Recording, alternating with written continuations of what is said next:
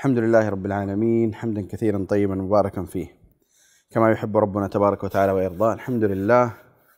لا نحصي ثناء عليه هو سبحانه كما أثنى على نفسه. الحمد لله الذي من علينا فأفضل والذي أعطانا فأجزل. اللهم صل على محمد وعلى آل محمد. كما صليت على إبراهيم وعلى آل إبراهيم إنك حميد مجيد. وبارك على محمد وعلى آل محمد كما باركت على إبراهيم وعلى آل إبراهيم. إنك حميد مجيد. نستعين بالله ونستهدي به ونتوكل عليه ونستفتح المجلس الثاني من مجالس آه، مواد برنامج صناعة المربي وهذا اليوم حديث عن المدرسة التربوية النبوية. والمدرسة التربوية النبوية كثيرا ما تستدعى في السياق التربوي المعاصر يعني أكثر البرامج التربوية أو النشاطات اللي تدخل في هذا الفلك يعني يتم ذكر شيء من سيرة النبي صلى الله عليه وسلم في آه، بعض المضامين المتعلقة أليس كذلك؟ سواء من ناحية تدريس السيرة أو حتى من ناحية بعض المضامين التربوية. ولكن ولكن هناك احتياج لإعادة استجلاب السيرة النبوية من الناحية التربوية. آه برأيكم من خلال ما تعرفون السؤال للجميع هل استجلاب السيرة النبوية والهدي النبوي في الناحية التربوية فيما يتعلق في الماضي يعني في الواقع هل كان استجلابا متعلقا بالوسائل أم بالغايات والمقاصد؟ في في أكثر أكثر صور الاستجلاب. الذي كان في الواقع. غالبا في الوسائل. ها؟ نأتي إليها بعد قليل صحيح. راح أنبه لها. لكن فكرة إنه كانت في الوسائل أغلب شيء في الوسائل إنه مثلا إنه من اساليب النبي صلى الله عليه وسلم طرح السؤال أخبروني عن شجرة تشبه الرجل المسلم. من اساليب النبي صلى الله عليه وسلم تكرار الكلام حتى يفهم عنه. من اساليب النبي صلى الله عليه وسلم أو أحيانا إنه هدي النبي صلى الله عليه وسلم في التعامل مع الصغار هديه في التعامل مع النساء هديه في التعامل عند الأخطاء والمشكلات. أليس كذلك؟ هذه الآن ليست قضية وسائل هذا النوع الثاني. وإنما مثل ما ذكرت آه اللي هي في قضية ما نسميها يعني الالتزاء أو النظرة الناق النظره المحدودة. أو المتخصصة إنه استدعاء السيرة النبوية إما في الوسائل والأدوات أو في آه، يعني خلينا نقول في جانب محدود آه، في مواقف معينة أو في مجالات محددة. وبرأيي أن هناك احتياج أن هناك احتياج لإعادة استجلاب السيرة النبوية في الناحية التربوية لتحقق المقاصد والمعالم الكبرى من التربية النبوية أكثر من الاحتياج لاستجلاب السيرة في باب الوسائل وإن كان كلا الأمرين مهم وليس بينهما تعارض.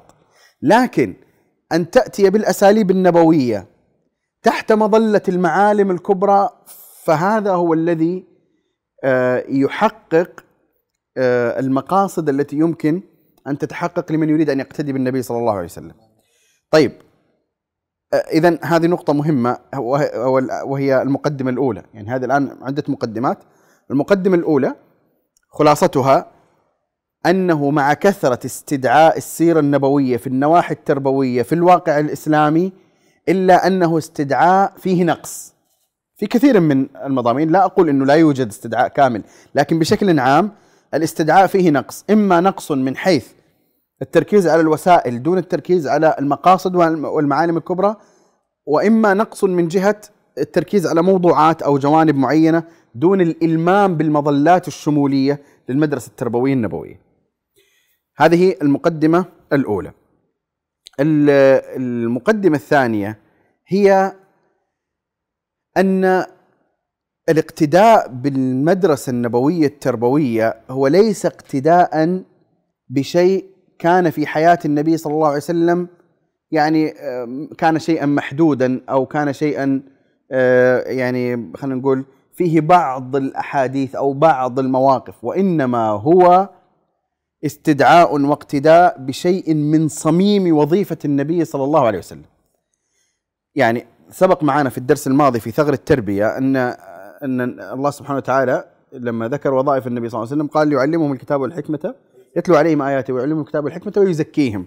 وذكرنا معنى يزكيهم وأنه هي أقرب لفظ قرآني لمعنى التربية ضمن المظلة الرسالية. جيد؟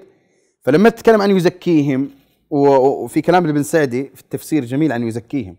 قال يزكيهم قال بالتربية على الأعمال الصالحة والتبري من الأعمال الردية التي لا تزكى النفوس معها. شوف لاحظ بالتربية. يزكيهم بالتربية. يعني هي آه، طيب إيش المقدمة الثانية؟ المقدمة الثانية إنه التربية النبوية لم تكن شيئا محدودا في حياة النبي صلى الله عليه وسلم وإنما كان من صميم رسالته ومن أهم أعمدة ما كان يعمل في مجموع حياته.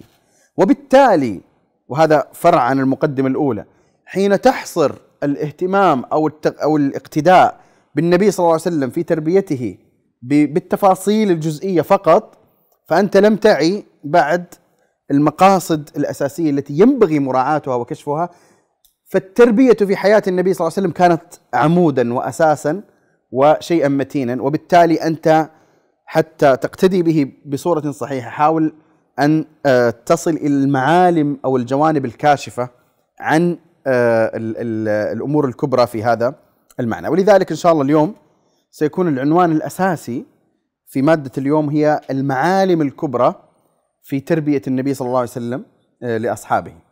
المعالم الكبرى يعني ليست يعني الأساليب كل كل الأساليب اللي نسمعها في الجانب التربوي كلها تحت معلم واحد. طيب وأنا سأذكر عشرة معالم عشرة معالم. واحدة من المعالم ما يتعلق بالأساليب والتأثير واضح الفكرة؟ وهذا يعني آه هذا خلينا نقول هذه المنهجية في الاستدلال أو هذه المنهجية في التفكير والاستنباط هي من أهم الأمور أنك تستطيع أن تستعرض التفاصيل ثم تستخرج منها المعالم. أي الكليات وتكون معالم كاشفة عن التفاصيل. ثم تنتظم التفاصيل ضمن عناوين آه، آه، المعالم تلك. فهذا هذا الموضوع الأساسي بإذن الله لمادة اليوم. المقدمة الثالثة قبل أن أبدأ بالمعالم المقدمة الثالثة هي المدرسة النبوية التربوية هي مدرسة فسيحة جدا وواسعة الأرجاء. وهي أكبر أكبر بكثير من آه، صور الاستجلاب والاستدعاء التي حصلت. مدرسة النبي النبي صلى الله عليه وسلم التربوية مدرسة عميقة جدا وكبيرة ومدرسة تغطي كل ما يمكن أن يحتاج إليه من المنهجيات في الإصلاح التربوي. في الإصلاح اللي هي المعنى الرسالي الإسلامي والتربوي اللي هي الوسيلة. فكل ما يمكن أن يحتاج إليه في معنى التربية في الوسط الإسلامي ضمن المعنى الرسالي المظلة الرسالية ستجده في المدرسة النبوية. كل ما يحتاج إليه من ناحية إيش؟ القواعد والمعالم والمنهجيات. أما من ناحية الأساليب فيمكن أن تتجدد وإلى آخره. آه طيب إيش في جوانب تدل على سعة المدرسة النبوية؟ يعني إيش في أشياء تكشف إنه المدرسة كانت واسعة جدا؟ تمام لقد كان لكم رسول الله أسوة حسنة. حياته حياته كلها تربية مؤدى الآية تمام أو مقتضاها تمام. لكن أقصد مثلا مثلا الفئة المستهدفة الكل صح؟ رجال نساء آه، شرائح مختلفة عامة خاصة سابقين متأخرين آه، أصناف من ال... تمام كله. هذا من ناحية الفئة المستهدفة. طيب من ناحية الأحوال والظروف التي مرت بها الفئة المستهدفة سراء ضراء سلم حرب رخاء فقر شدة كله مر كله مر. جيد؟ وهذا آه، طبعا لا تنسى إنه ومن ضمن الشرائح التي كانت موجودة اللي هي الشرائح المندسة الشرائح المعادية الشرائح التي تنخر من الداخل. جيد؟ آه فالنظر للمدرسة التربوية النبوية يجب أن ندرك إنه هو إنه هي مدرسة إذا مررت بحالة من الشدة أو الرخاء أو الفتنة أو يعني العافية أو أو أو ففي المدرسة النبوية ما يمكن أن يكون نبراسا. ما يمكن أن يكون نبراسا. فهذا معنى مهم جدا في الاقتداء وهذا كله من تعظيم النبي صلى الله عليه وسلم ومن تعظيم ما جاء به. لما نجي أقول التربية النبوية وأنا أجلس الآن أريد أن أسمع معالم التربية النبوية ثم أقول والله كان يربي بالسؤال. وكان يربي بال شو اسمه بالوصيه الخاصة. وكان يربي بالاهتمام وكان يربي بالتحفيز. وكان يربي هذه كل وسائل. بس أنت ترى اختزلت معنى عظيم وكبير جدا. اسمه يزكيهم أو عنوانه يزكيهم. وتفاصيله 23 سنة من التربية النبوية. وآخر شيء تجي تقدمها إنه كان يسأل وكان يعني يهتم بهذا ويشجع ويحفز. تمام بس ترى هذا يعني ما هو ما هو هو الكاشف عن تلك المدرسة النبوية العظيمة وإنما أنت تحتاج أن تتأمل فيما هو أكبر من ذلك ثم هذه التفاصيل تنتظم آه كما آه سبق ذكره. طيب آه هذه ثلاث مقدمات سريعة ننتقل بعدها إلى المعالم ثم بعد ذلك سأنتقل إلى بعض الجوانب التفصيلية فهذه ثلاثة عناصر فقط في مادة اليوم العنصر الأول مقدمات الثاني معالم المدرسة النبوية التربوية ثم بعض العناصر التفصيلية المتعلقة بأساليب آه، تربوية نبوية وبعض الجوانب التي اعتنى بها النبي صلى الله عليه وسلم في التربية. آه، طيب المعالم المعالم الكاشفة عن آه، خلينا نقول سيرة النبي صلى الله عليه وسلم التربوية. كما قلنا عندنا عشرة معالم. المعلم الأول. المعلم الأول. المعلم الأول متعلق بمدى وضوح الرسالة والمشروع والهدف والصديق والعدو والحق والباطل في نفوس المتربين. فالذي يدخل في المدرسة النبوية التربوية مباشرة توضع له النقاط على الحروف من ناحية من نحن ومن الأعداء وأهل الباطل من ما هو الحق؟ ما هو الباطل؟ ما هو الخير؟ ما هو الشر؟ لا يوجد التباس في المعاني الأساسية الفاصلة بين الحق والباطل والمؤمن والكافر وما إلى ذلك. لذلك كان من نتائج هذا المعلم. طبعا هذا معلم تربوي معلم تربوي. من نتائج هذا المعلم الثبات على الحق لأنه واضح ما هو الحق وواضح ما هو الباطل. ولذلك ما تستغرب أنت الآن لما تستعرض السيرة النبوية تبى تشوف المتربين اللي هم الصحابة. أبرز قصص الثبات الشديد أو على شدائد ال ال ال ال الهم واللأواء كانت في المراحل الأولى صح؟ يعني أقصد مباشرة بدأت بدأت آثار التربية النبوية في الصبر على الشدائد. وأنت تعرف إنه إنه الآن إحنا تبغى تقيس مثلا نجاحات عمل تربوي معين. أه ما تقيسه في يعني خلينا نقول في حالات الرخاء وفي حالات البرامج الجميلة والأجواء الناعمة والكل تمام؟ هذا مفهوم إنه الناس يعني يقبلون. جيد؟ لكن تعلي وقت الشدائد وقت ما يكون فيه آه، يعني خلينا نقول تضييق على مثلا أعمال معينة لما يكون في كذا لما يكون في كذا انظر إلى الآثار في المتربين. جيد؟ الواقع يقول انك إنك أحيانا تجد إن بعض من كان من المفترض أن يكون على الحق ثابتا صار عليك وضدك وصار هو الذي يحارب الحق. لماذا؟ لأنه أصلا لم يبنى على معالم واضحة في الحق والباطل والخير والشر فيثبت على ماذا؟ كل الأمور ليست قوية عنده. صحيح أن هناك فرقا في وقت النبي صلى الله عليه وسلم كانوا مشركين وكان حق واضح وباطل واضح. ماشي بس أنت تأخذ المعلم وتفهم وتنزله على الواقع بقدره بقدره. فلا لا يبالغ الإنسان لكن يفهم ذلك المعلم. إيش النتج عن هذا المعلم التربوي؟ اللي نتج عن هذا المعلم هو الاستمساك والثبات والصبر من المتربين في أوائل عند أول شدة تمر ولو كانت عند البدايات والاستمرار على هذا الثبات حتى النهاية. لذلك يمكن أن تلمس هذا الوضوح وبساطة هذا الوضوح في هتاف بلال وهو يقول أحد أحد. يعني عارف إنه خلاص واضح يعني واضح القضية. طيب هذا هذا معلم أول وهو معلم مهم جدا جدا. واليوم يوجد فيه نقص. يوجد فيه نقص كبير خاصة في البيئات التي فيها الرخاء الشديد. يعني يدخل الطالب مثلا يتعلم بعض القيم آه، بعض القيم أو بعض أو المعاني السلوكية والأخلاقية وتمام وبعض العلوم الإسلامية. وبعد ذلك لا يعني أثناء التربية لا يفهم ولا يربى على أن هناك من يعادي الحق ومن يعادي الخير. وكونك تريد أن تكون على ما كان عليه النبي صلى الله عليه وسلم ترى هناك أشياء ستمر بها وشدائد ستمر بها. ولازم تفهم هذا المعنى لازم الطالب يفهم مثل هذه القضايا. هذا يجعله يستمسك بالحق أكثر ويفهم حتى لو كانت القضية افكارا. يعني مو لازم يكون أشخاص معينين لا. أنت ترى تعيش في عالم مفتوح الأفكار. والأفكار هذه يوجد أفكار كذا وأفكار كذا وأفكار كذا وهذه تعارض الحق وهذه تربية الطالب على وضوح الرسالة وعلى وضوح ما يخالفها مما يناقض الحق ها وليس من اختلاف التنوع المقبول مما يناقض الحق صراحة هذا يجب أن يكون واضحا وهو من معالم التربية النبوية من معالم التربية النبوية.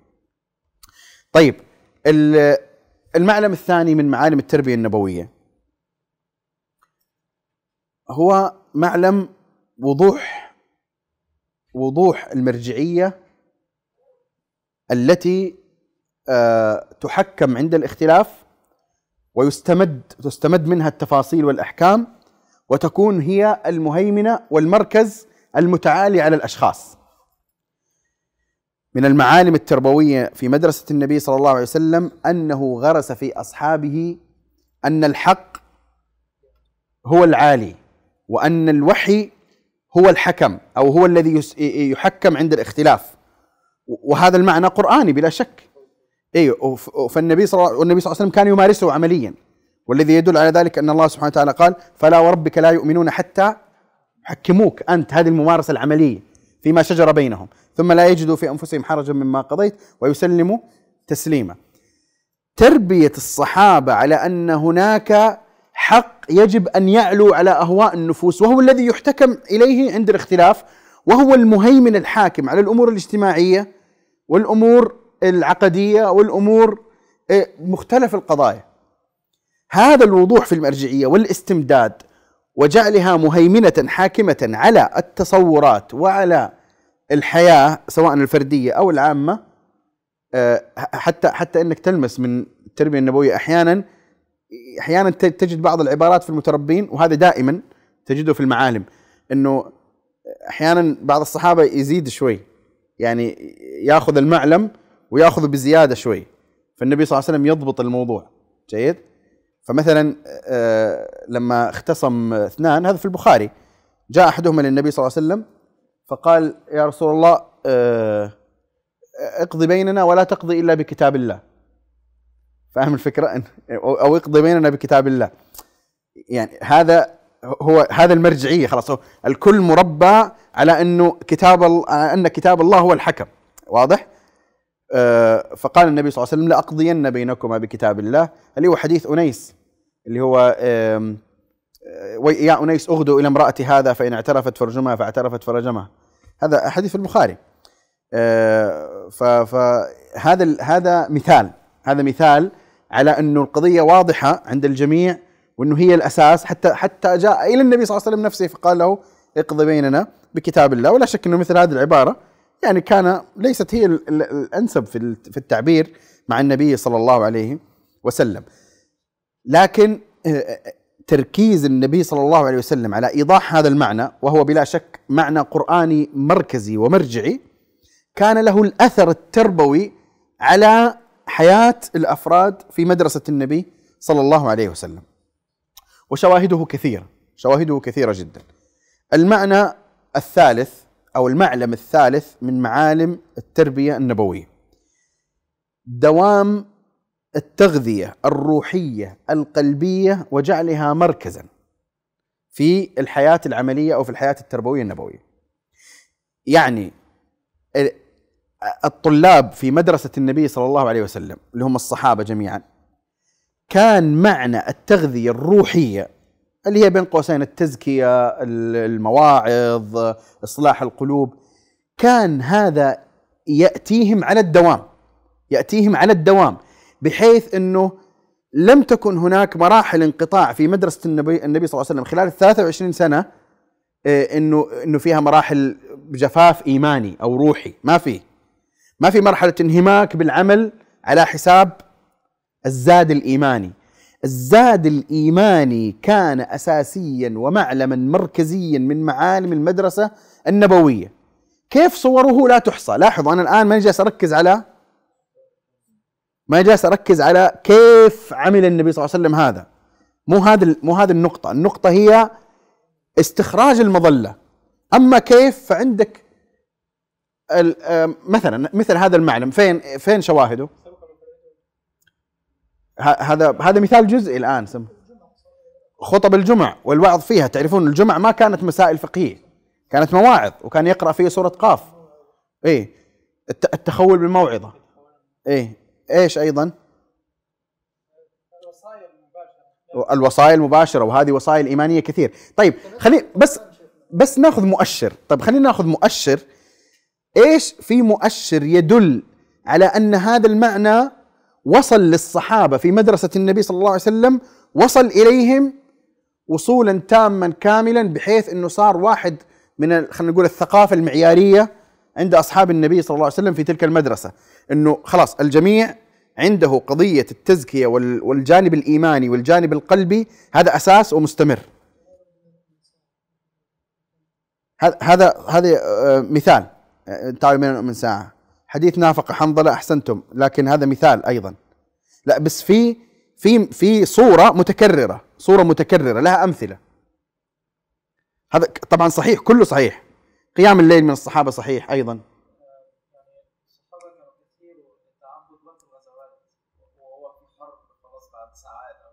التعبد وقت الغزوات تمام. وتقدر تقول نفس الثبات أثناء القتال وهذا جزء من تمام. طيب واحد من المؤشرات المهمة جدا جدا أسئلة الصحابة. أسئلة الصحابة. والأسئلة الأسئلة هي من أهم المعايير التي تكشف طبيعة ما يشغل الأفراد. تماما. ما الذي ينتج من الأسئلة؟ دعني الآن من سؤال شخص معين. أسئلة الصحابة بشكل عام تكشف عن طبيعة ما يشغل. طبيعة ما يشغل. وطبيعة ما يشغل هذا من معالم التربية النبوية التي غرست فيها. لذلك آه تجدون إنه إيش اللي يجي ببالك لما تقول أسئلة الصحابة؟ ماذا سألوا النبي صلى الله عليه وسلم؟ إيش يجي ببالك على طول؟ أخبرني بعمل يدخلني الجنة أو يقربني من الجنة ويبعدني من النار إيش كمان؟ اسالك مرافقتك الجنة. أي العمل احب إلى الله؟ أي الإسلام خير؟ أي الإسلام أفضل؟ ها؟ إن شرائع الإسلام كثرت علي فمرني بشيء أتشبث به. قل لي في الإسلام قولا لا أسأل عنه أحدا غيرك. تمام؟ قل آمنت بالله ثم استقم. تمام؟ أه تجد ولذلك ترى جعل الأسئلة مؤشر قياس عن الذي يعكس الثقافة المعيارية أو الذي يعكس الذي يشغل الأفراد. أه مثال ملاحظ حتى بعد النبي صلى الله عليه وسلم. لذلك أه أعجبني في الدارمي الشعبي. قال كلاما جميلا اظن الشعبي. قال لو قال يعني متذمرا من أصحابه وطلابه قال لو أن القرآن نزل فيكم لكان عامة القرآن يسألونك يسألونك. تمام؟ لكان عامة القرآن يسألونك يسألونك. يعني شوف ال... أي قضايا طبعا على القضايا الفقهية لأنه هذه يسألونك يسألونك. تمام؟ ف... وفعلا القرآن ما في إلا قليل يعني واضح الفكرة؟ طيب انت الآن تذكروا مثلا قبل سنوات كانت كثير من البرامج التلفزيونية فيها فتاوى. جيد. أسئلة الناس تكشف لك عن طبيعة الاهتمام. تقدر تقدر ما أدري يعني هل في دراسات اجتماعية في هذه الناحية ولا لا بس أنا أعتقد إنه من ميادين الدراسة الاجتماعية أسئلة الناس هذه. ف فأنت تشوف من أسئلة الناس تعرف إنه فين طموحاتهم فين آمالهم ما الذي يشغلهم؟ ما الذي يشغلهم؟ واضح الفكرة؟ لما تروح لمدرسة النبي صلى الله عليه وسلم الصحابة المتربين في تلك المدرسة ها؟ تخيلوا يا جماعة أنا هذا عندي نموذج معياري هذا النموذج اللي أقول لكم إياه الآن نموذج معياري يدلك على وين كانت مدرسة النبي صلى الله عليه وسلم. وهو لو ما كان في إلا هذا النموذج فهذا يكفيني. يعني كذا نموذج غريب عجيب على المدى الأقصى. أبو بكر الصديق. أبو بكر الصديق رضي الله تعالى عنه بعد كل ما تعرف عن أبي بكر. تمام؟ وبعد كل السابقة العظمى. ها؟ شوف المدرسة النبوية. يأتي للنبي صلى الله عليه وسلم يقول هذا في البخاري يقول علمني دعاء أدعو به في صلاتي. ها؟ علمني دعاء أدعو به في صلاتي. والأعجب من هذا جواب النبي صلى الله عليه وسلم. قال قل اللهم إني ظلمت نفسي ظلما كثيرا وإنه لا يغفر الذنوب إلا أنت فاغفر لي مغفرة من عندك وارحمني إنك أنت الغفور الرحيم. شوف؟ يعني شيء عجيب جدا في أن هذا المعنى التعبدي الدقيق أو أو خلينا نقول الذي هو في أساس التعبد هو المركز هو الأساس. لو كنت أبا بكر أو كنت اعرابيا نفس الشيء. نفس الشيء من ناحية المركزية. واضح؟ من ناحية المركزية. فهذا معلم من المعالم الأساسية في مدرسة النبي صلى الله عليه وسلم اللي هو معلم دوام التغذية الروحية القلبية أو دوام التغذية الروحية والت... وال... والتزكية القلبية. ولذلك ولذلك أي مجال أو أي ميدان أو إطار تربوي اليوم آه، ينتسب أو يريد أن يقتدي بالنبي صلى الله عليه وسلم ولا يجعل التغذية الروحية والتزكية القلبية أساساً لما نقول أساسا مو معنى آه، نص ساعة كل أسبوع نقرأ رياض الصالحين وخلاص لا. أساسا ومركزا إذا لم يكن هذا أساسا ومركزيا في تربية آه، الطلاب في المدرسة التربوية الإسلامية فاعلم أنك قد أخللت ونقصت معلما من معالم المدرسة التربوية النبوية من أركان ذلك أو تلك المعالم. وكما قلت شواهد كثيرة جدا. واحدة من المؤشرات على هذه أسئلة الصحابة. واحد من المؤشرات أسئلة الصحابة. طيب آه المعلم الرابع. المعلم الرابع من معالم المدرسة التربوية النبوية وهو معلم أساس ووثيق وله شواهد كثيرة. تربية النبي صلى الله عليه وسلم أصحابه ولاحظوا يا جماعة أنا جالس أتكلم عن معالم شمولية لها شواهد كثير من جالس أتكلم عن صورة صورتين. المعلم الرابع تربية النبي صلى الله عليه وسلم أصحابه على أن العمل هو الغاية وهو المركز وأن هذا الدين دين عملي مقدماته نظرية وتفاصيله عملية وأن الطلاب في تلك المدرسة متى ما انحسروا عن العمل وانحصروا في ركن النظر أو التنظير فقد خالفوا ما يريده النبي صلى الله عليه وسلم منهم من مقاصد كبرى. وإذا قلنا نموذج معياري واحد من النماذج العجيبة في هذا هو ما أخرجه الإمام مسلم في صحيحه عن نواس بن سمعان. قال أتيت المدينة مكثت سنة ما يمنعني من الهجرة إلا المسألة. كان أحدنا إذا هاجر لم يسأل النبي صلى الله عليه وسلم. إيش الفكرة؟ الآن نواس بن سمعان من خارج المدينة. جاء المدينة. جاء بنية الزائر لا بنية المستقر لا بنية المهاجر. ومع كل فضل الهجرة إلا أنه لم يرد أن يهاجر لأن المرء كان إذا هاجر كان يمنع أو يخفف عليه قضية السؤال. كأنك أنت صرت في مرحلة الآن دعك من أيوه أنت من المشروع أنت عمل الآن عمل لاحظ ولذلك في البخاري أنس رضي الله عنه يقول كان يعجبنا أن يأتي الرجل العاقل من أهل البادية فيسأل النبي صلى الله عليه وسلم. يعجبنا. ليش؟ لأن في المدرسة التربوية النبوية عرف الصحابة أن النبي صلى الله عليه وسلم لا يحب منهم كثرة الأسئلة. كثرة الأسئلة هنا ليس المقصود بها الاستفسار عن معنى لا. المقصود بها أن لا ينتقل المجال من مجال العمل بالواضحات بالواضحات بما أمر الله سبحانه وتعالى إلى مجال كثرة التشقيق المسائل والتفصيل والتفصيلات الفقهية وما إلى ذلك. لذلك تجدون أن النبي صلى الله عليه وسلم يربط بين هذا وهذا كما في الحديث الصحيح قال النبي صلى الله عليه وسلم إنما أهلك من كان قبلكم كثرة مسائلهم واختلافهم على أنبيائهم ما أمرتكم بأمر فأتوا منه ما استطعتم. وما نهيتكم عن أمر فاجتنبوه. نقطة. ما أمرتكم بأمر فأتوا منه ما استطعتم. وما نهيتكم عن شيء ف فاجتنبوه. جيد؟ طبعا لاحظ حالة المفارقة الشديدة بين ال... انت طبعا نتكلم مثلا إحنا الآن لما تقول تربية يجي ببالك محاضن وكذا ويجي ببالك الصروح التعليمية. دائما يربط بين التربية والتعليم. تمام؟ فانت فأنت يعني ادخل الجامعة مثلا وشوف فين المعاني التربوية اللي تكون موجودة وإيش المضامين؟ مضامين معرفية. معرفة معرفة معرفة معرفة معرفة. وحتى المضامين المعرفية محدودة في مقابل آه، ما كان أو خلينا نقول موغله في النظرية. وقع في التفاصيل. ليس فقط وقع في التفاصيل حتى في بعض الأماكن قد تأتي بعض العلوم التي هي من طبيعتها صارفة عن النفس العملي إلى النفس النظري مثل بعض العلوم الكلامية مثلا. أه تريد مثال مثال واضح؟ مثلا الأسماء والصفات. الأسماء والصفات سيقت في كتاب الله وفي سنة رسول الله صلى الله عليه وسلم لأمرين. الأمر الأول للتعرف على الله والعلم به سبحانه وتعالى. اثنين للتعبد على مقتضى أو بمقتضى هذه الأسماء. ولذلك جعلت من أعظم أو أعظم ما في الوحي.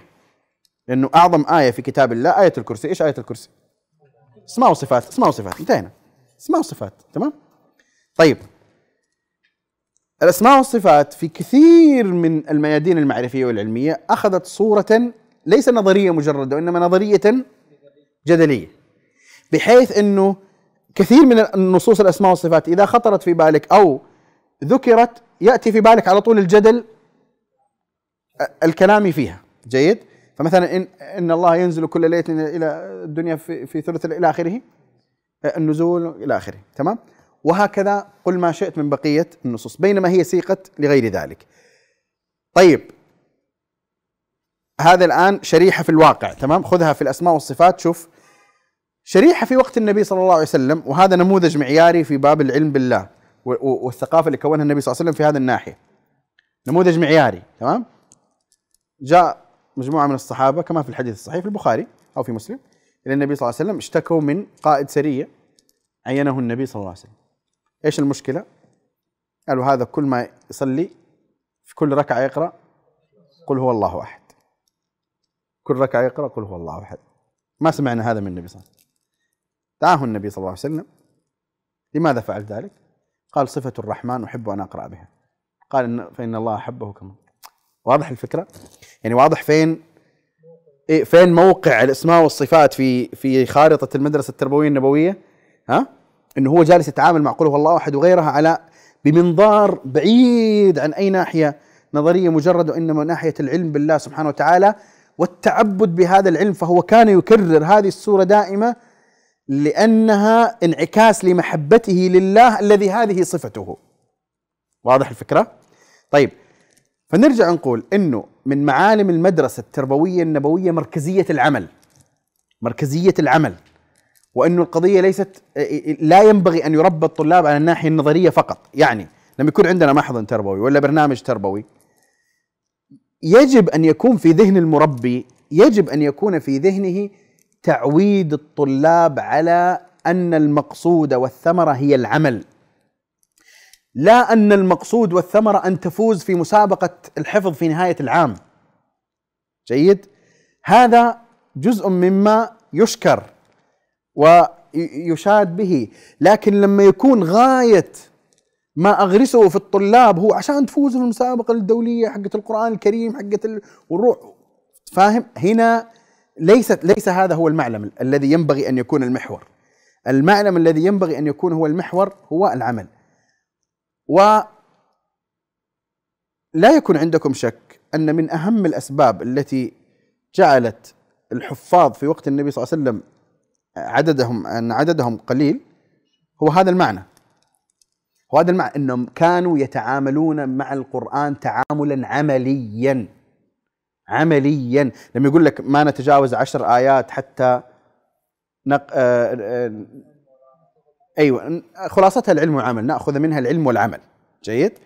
وتعرف كان كان الرجل إذا أخذ منا سورة البقرة ها؟ يعني قدم أو عد عالما أو فقيها أو نحو ذلك. هي إيش أخذ سورة البقرة؟ حفظها؟ لا مو بس حفظها. ليست ليست. طب الحفظ كان ممتدحا في وقت النبي صلى الله عليه وسلم؟ نعم كان ممتدحا. كان ممتدحا. ويقدم في الإمامة وحتى في القبر لما ازدحم القتلى في أحد قال قدموا أكثرهم قرانا أو أكثرهم اخذا القرآن. لكن الفكرة ما كان هو النموذج المعياري ما كان هو النموذج المعياري. طيب هذا المعلم الرابع الرابع من معالم المدرسة التربوية آه، النبوية. المعلم الخامس وهو مرتبط بالرابع ومرتبط بالرابع لكنه يستحق الإفراد اللي هو من معالم المدرسة التربوية النبوية التكليف العملي الخاص المفعل لقضية العمل ومركزية العمل. يعني أول شيء كثقافة عامة غرست في نفوس المربين أو المتربين أنهم أنها إيش؟ أنه الدين هذا دين عملي تمام؟ ثم معلم آخر هو أن النبي صلى الله عليه وسلم كان يعزز ذلك المعنى بالعمل العملي يعني بالإجراءات العملية التي تعزز قيمة العمل. هو نعم قد يعد هذا وسيلة ولكن أنا برأيي أنه كان معلما من معالم النبوية التربوية. ليه؟ يعني تجده في شواهد كثيرة. وهو لافت الانتباه إلى درجة بحيث أنه يستحق أن يفرد كمعلم كبير. آه طيب. أغلب الذين كلفهم النبي صلى الله عليه وسلم بأعمال من حيث السن كانوا لم يكونوا كبارا. طب هذا يؤكد المعلم الرابع ولا ما يؤكده؟ يؤكد المعلم الرابع صح؟ طيب. أغلب الذين آه، كلفهم النبي صلى الله عليه وسلم لم يكونوا كبارا في السن لم يكونوا كبارا في السن. وإذا وضعت عنوان الذين كلفهم النبي صلى الله عليه وسلم أو التكاليف العملية في وقت النبي صلى الله عليه وسلم ستخرج بشواهد كثيرة جدا تعزز من قيمة التربية العملية لدى المربى. فمثلا آه، إرسال معاذ إلى اليمن. آه، حتى أنك تجد أنه حتى في في مراحل مبكرة. مالك بن الحويرث لما جاء هو ومن معه مكثوا في المدينة يتعلمون من النبي صلى الله عليه وسلم. قال في البخاري أو في مسلم فلما رأى شوقنا إلى أهالينا قال ارجعوا فكونوا فيهم وعلموهم وصلوا وصلوا كما رأيتموني أصلي. هذا أصلا حديث صلوا كما رايتموني يصلي اللي في البخاري وهذا الحديث هذا قصته. جيد؟ لاحظوا التكليف. عثمان بن أبي العاص رضي الله تعالى عنه وكان أصغر القوم الذين وفدوا على النبي صلى الله عليه وسلم من أهل الطائف. ها؟ القصة في صحيح مسلم ولكن هذه الزيادة في نسيت في المغازي وعند ابن سعد أنه لما نزلوا وضعوا الرحال كان هو أتى سرا إلى النبي صلى الله عليه وسلم أسلم قبل بقية الوفد وأحبه النبي صلى الله عليه وسلم لهذه المبادرة. جيد؟ فلما أرادوا المغادرة قالوا أمر علينا فأمر عليهم عثمان بن أبي العاص تمام؟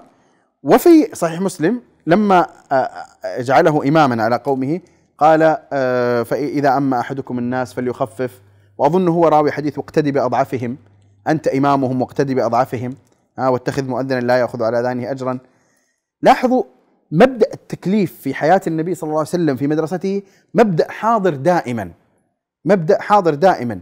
ودائما عنده أناس يصلحون للتكليف. دائما عنده أناس يصلحون للتكليف. لما جاءت المرحلة الانتقالية الكبرى من مكة إلى المدينة كان التكليف لمصعب ابن عمير أن يذهب قبل ذلك حتى يعلم آه، أهل المدينة وأهل يثرب. آه، وحصل إسلام كبار أهل المدينة على يدي مصعب بن عمير. في فصل في كتب السيرة خاصة كتب السيرة المسندة التراثية اللي هي أمراء السرايا أو أمراؤه صلى الله عليه وسلم فصل في أمرائه صلى الله عليه وسلم وقادة السرايا الذين أرسلهم. وهذا هذا كله عنوان تحت مبدأ التكليف. وكثير تعرفوا السرايا في وقت النبي صلى الله عليه وسلم كثيرة وكل واحدة لها آه، مسؤول ومكلف. آه، من ناحية الإمامة والتعليم أيضا النبي صلى الله عليه وسلم كان يكلف. من ناحية الاستخلاف على بعض المناطق آه، كذلك تعرفوا مثلا عتاب بن أسيد أو بن أسيد وكذلك مثلا علي بن أبي طالب رضي الله عنه أنت مني منزلة هارون من موسى. الشاهد أنك إذا أخذت تنظر في تفاصيل التكليف النبوي لأصحابه بالأعمال ستجد أن هذا عنوانا ضخما ويمكن أن تقسمه إلى أبواب. مثلا التكليف في إمارة السرايا التكليف في الإمامة والتعليم التكليف في القضاء التكليف في إلى آخره. جيد؟ وهو لو لم يكن المعلم الرابع حاضرا اللي هو مركزية العمل لما كانت هذه النتيجة لما كانت هذه النتيجة فلذلك المعلم الرابع مركزية العمل في حياة النبي صلى الله عليه وسلم التربوية المعلم الخامس التكليف العملي لأصحابه المعزز لقيمة العمل والذي آه، يكشف عن جانب المسؤولية وتحميلها وما إلى ذلك. فهذا من المعالم المهمة في حياة النبي صلى الله عليه وسلم التربوية. المعلم كم؟ السادس. الحين المعلم السادس ننتقل شوية كذا إلى جانب آخر. من أهم المعالم التربوية في مدرسة النبي صلى الله عليه وسلم وهو معلم لافت للانتباه بشكل عجيب هو معلم العلم التفصيلي بأحوال المتربين العلم التفصيلي بأحوال المتربين النفسية الاجتماعية ال ال يعني خلينا نقول الحالات الشعورية إلى آخره.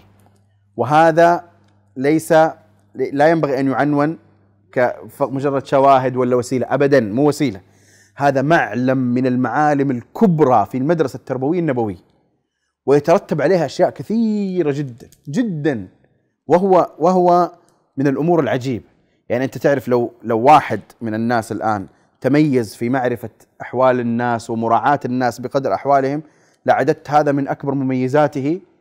ويعني فتجد النبي صلى الله عليه وسلم على كل ما من الله عليه به تجده في هذه المعرفة في الغاية في الغاية. وكان النبي صلى الله عليه وسلم يراعي في أعماله وفي تواصله مع الناس اختلاف الشخصيات، اختلاف الخصائص، اختلاف الشعور، اختلاف كذا، وكان يقرأ في وجوه الناس الغضب والرضا، التاثر من عدمه، لذلك تجد في بعض الأحاديث فلما رأى ما في وجوههم فلما رأى ما في وجهه مثل حديث الصعب بن جثامة في الهدي لما أهدى للنبي صلى الله عليه وسلم هدية أو أهدى له في الصيد فرده النبي صلى الله عليه وسلم. قال فلما رأى ما في وجهه قال إنا لم نرده عليك إلا ان حرم إلا ان حرم. و وأمثال ذلك حتى في أهل الطائف لما رأى قال لا أدري لعلهم قبلوا أو لم يقبلوا.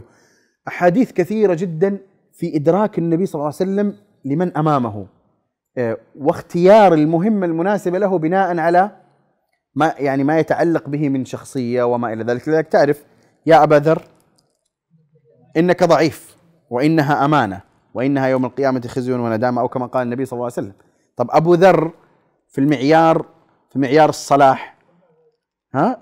في معيار الصلاح يعني تعرفوا روي عن النبي صلى الله عليه وسلم إنه ما أقلت آه، الخضراء ولا أضلت ولا ما أقلت الغبراء ولا أضلت. المهم نسيت الخربط. أصدق لهجة من أبي ذر. أصدق لهجة من أبي ذر. طب أبو ذر أبو ذر. تعرفون هو من السابقين بالإسلام ها؟ لكن آه، يا أبا ذر إنك ضعيف. ما, ما تصلح الإمارة. إنك ضعيف وإنها امانه جيد؟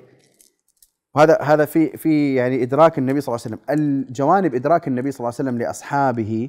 تعرفوا مثلا والله الشواهد الشواهد لا تنتهي يعني. وهذا أصلا من الجوانب اللي يعني خلينا نقول صار فيها استقراء كثير.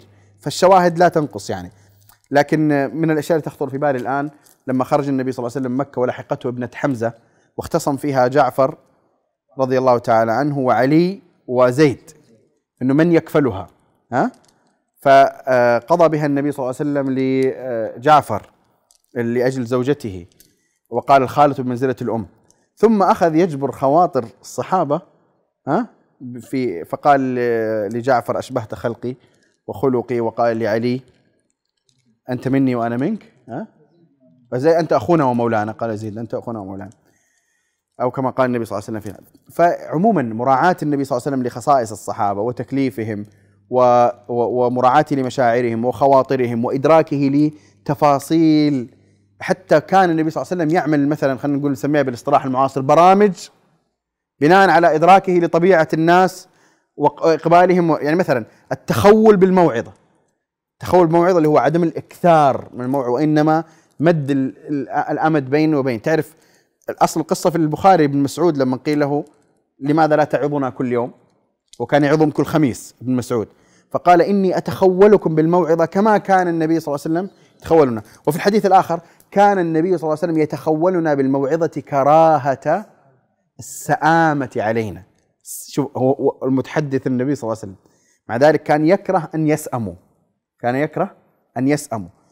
هذا المعلم معلم كما قلت مليء الشواهد في حياة النبي صلى الله عليه وسلم وهو معلم تربوي وأساسي. ولذلك التربية التي لا تراعي القرب من المتربين ومعرفة أحوالهم وما الذي يشغلهم اهتماماتهم نفوسهم الواقع الذي خرجوا منه التحديات التي تحيط بهم إذا أنا أعمل مشروع تربوي إسلامي ولا أراعي فيه هذا فهذا فيه معلم من المعالم الناقصة.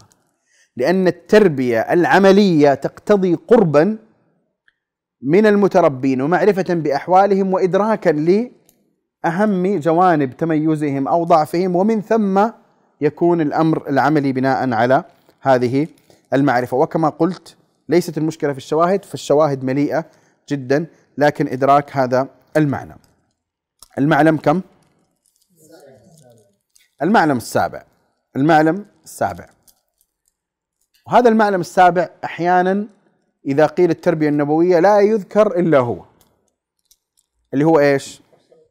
أيوه. تنويع الوسائل والأساليب التربوية والحرص على إيصال المعلومة والعلم إلى المتلقي بأفضل ما يمكن أن توصل به وتنويع وتجديد الأساليب والوسائل التي تجعل ذهن المتلقي دائما متحفزا ومنفتحا لاستقبال المعلومات والعلم والمعارف وما إلى ذلك. وهذا كما قلت أحيانا إذا قيل تربية النبي صلى الله عليه وسلم تذكر هذه فقط ويستكثر من ذكر الشواهد والأمثلة وما إلى ذلك بينما هي واحدة من المعالم.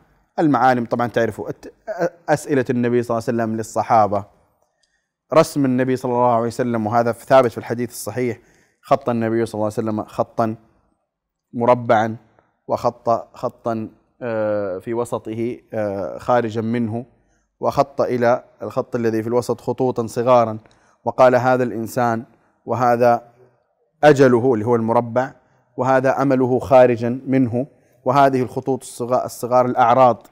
فإن أخطأه هذا نهشه هذا إلى آخر الحديث. وهذا أسلوب نبوي واضح وهو لافت للانتباه التنويع بين الموعظة وبين خلينا نقول الأسلوب التعليمي تكرار الكلام. تعرفون في الحديث الصحيح في صحيح مسلم لما جاء أبو هريرة فحدث حديثا سريعا وعائشة كانت في الحجرة تسمع كانت تصلي. فقالت لو كنت آه، يعني في غير صلاة لقلت له إن النبي صلى الله عليه وسلم لم يكن يسرد الحديث كسردكم. ها؟ لم يكن يسرد الحديث كسردكم. كان النبي صلى الله عليه وسلم يتكلم كلاما في أنس كان يقول يعيد الكلمة أو يكرر الكلمة ثلاثا. آه، إظهار الأهمية في الكلام المهم. تعرف الحين من الأساليب في دورات الإلقاء تعرف يقول لك مثلا إذا جيت عند نقطة مدري إيش يعني تقف عندها بصوتك أو شيء. النبي صلى الله عليه وسلم كان ينبه أحيانا ببعض أسلوب لافت للانتباه. تعرفوا من أشهر الحديث في البخاري؟ أيوه. لما تكلم عن الكبائر قال وكان متكئا فجلس. قال ألا وقول الزور وشهادة الزور ألا وقول الزور ألا وشهادة الزور. مثل هذا وأنت حاضر المشهد ما يروح من بالك ما يروح من بالك ابدا تمام؟ إيه. حدثنا النبي صلى الله عليه وسلم عن الدجال فخفض فيه ورفع حتى ظننا أنه في طائفة النخل. الأسلوب لا يعني يعني التركيز على أن يا أخي لا في ناس الآن كثير وهذه شكوى متكررة. بل أحيانا يصير زي الثقافة العامة عند الناس إنه إذا قيل عالم أو شيخ فأسلوبه ممل. كذا يعني يجي في البال أحيانا انه إنه لا لا هذا شيخ ما يعني طب ليش؟ ليش؟ يعني النبي صلى الله عليه وسلم أحيانا يقول لك والله أنا أحب أسلوب مثلا بعضهم يقول أحب أسلوب الوعاظ بس ما أحب أسلوب المشايخ. والبعض بالعكس الوعاظ يقول صوتهم عالي ما أحب تمام؟ المعيار مو في رفع الصوت وخفض الصوت المعيار هو في أن تكون أنت أيها المتحدث المربي المعلم الداعية واعيا أن ما تريد أن تقوله يجب أن يصل. بعدين استجاب أو لم يستجب هذا أمر آخر لكن يجب أن يصل. لكن أنت جال تجلس. لا يهمك الحضور. منهم النائم منهم اللاهي بجواله منهم المدري إيش ومنهم المدري إيش. أحيانا أنت تقرأ في وجوههم الملل منك والسآمة منك. ما يبغى ما يبغاك الآن تعطي درس. بغض النظر عن سياق بس فهمت الفكرة؟ ان الواحد يكون واعيا واعيا. النبي صلى الله عليه وسلم كان إذا تحدث أبلغ. فالكلام يعني يصل سواء من ناحية القالب اللغوي. يعني كل ما يدخل تحت كلمة البيان كل ما يدخل تحت كلمة الأسلوب أسلوب الإلقاء وتقدير كل قالب أو درس أو مجال بالأسلوب المناسب له لذلك تعرفون في السنن العرباض بن ساري يقول وعظنا رسول الله صلى الله عليه وسلم موعظة بليغة وجلت منها القلوب وذرفت منها العيون حتى قلنا إنها أو كأنها موعظة مودع. فقلنا يا رسول الله أوصنا. لاحظت لاحظت الأسلوب؟ طيب لما تكلم عن الدجال خفض فيه ورفع حتى ظننا أنه في طائفة النخل. يعني من شدة تحذير النبي صلى الله عليه وسلم من الدجال والطريقة والأسلوب والأداء والبيان كأنه يحذر من شيء الآن موجود هنا قريب بينما هو لم يخرج بعد لم يخرج بعد. وجابر رضي الله عنه في صحيح مسلم يقول كان النبي صلى الله عليه وسلم إذا خطب شوف الخطبة غير مقام ارتفع صوته واشتد غضبه واحمرت عيناه كأنه منذر جيش يقول صبحكم ومساكم وكان يقول إن خير الحديث كتاب الله وخير الهدي هدي محمد وشر الأمور محدثاتها وكل محدثة بدعة أو كما قال النبي صلى الله عليه وسلم أو كل بدعة ضلالة. فتنويع الأساليب، تجديد الأساليب، حديث جبريل فيه مدرسة في قضية الأساليب. كل قصة جبريل وإتيانه كان أسلوب أسلوب. خرج علينا رجل شديد بياض الثياب شديد سواد الشعر لا يرى عليه أثر السفر ولا يعرف منا أحد. طيب كان يمكن أن تأتي الإسلام والإيمان معلومات الإسلام والإيمان والإحسان والساعة سردا. لكن ذلك الموقف وذلك المشهد عجيب. ها؟ يعني مثلا تكون جالس أنت مثلا في مكانك في مكان الدروس أو في مركز أو في مسجد أو شيء وأنت معتاد مع طلاب في نفس الشيء يجي واحد بهيئة غريبة عجيبة يلفت الانتباه. من يوم ما يدخل الكل ينظر إليه إيش يبغى هذا؟ بعدين يجي يجلس عند أستاذك أو شيخك ويدير حوار عجيب. بعدين يسأل لما يقول فيقول صدقت. طيب فعجبنا له يسأله ويصدقه. التعجب كان مستمر طول المجلس. إيه، طول المجلس. بعد ما خرج هذا جبريل جاء يعلمكم دينكم. جاء يعلمكم ترى هذا أسلوب تعليمي أسلوب تعليمي. واضح؟ اذا هذه القضية مركزية في حياة النبي صلى الله عليه وسلم ولكن نرجع مرة أخرى لما تقول التربية النبوية لا تحصرها في الأساليب فهي واحدة من المعالم لذلك لا تكن أنت كمصلح كمربي كداعية مملا. لا تراعي معنى الإملال والرضا والسآمة والإقبال والإدبار وما إلى ذلك.